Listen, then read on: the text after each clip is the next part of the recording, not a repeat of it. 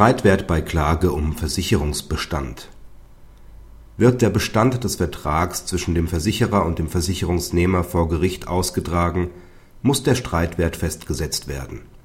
Dieser orientiert sich dabei nicht an der Versicherungssumme. Im BGH-Fall streitet sich der Versicherungsnehmer mit dem Versicherungsunternehmen, ob seine Gebäudeversicherung noch besteht.